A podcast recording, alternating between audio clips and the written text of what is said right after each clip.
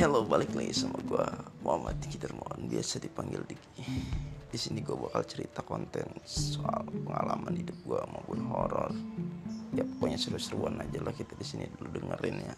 Ya mudah-mudahan sih lu terhibur dan mungkin lu bisa lebih penasaran lagi dengan cerita ini. Sekian, terima kasih.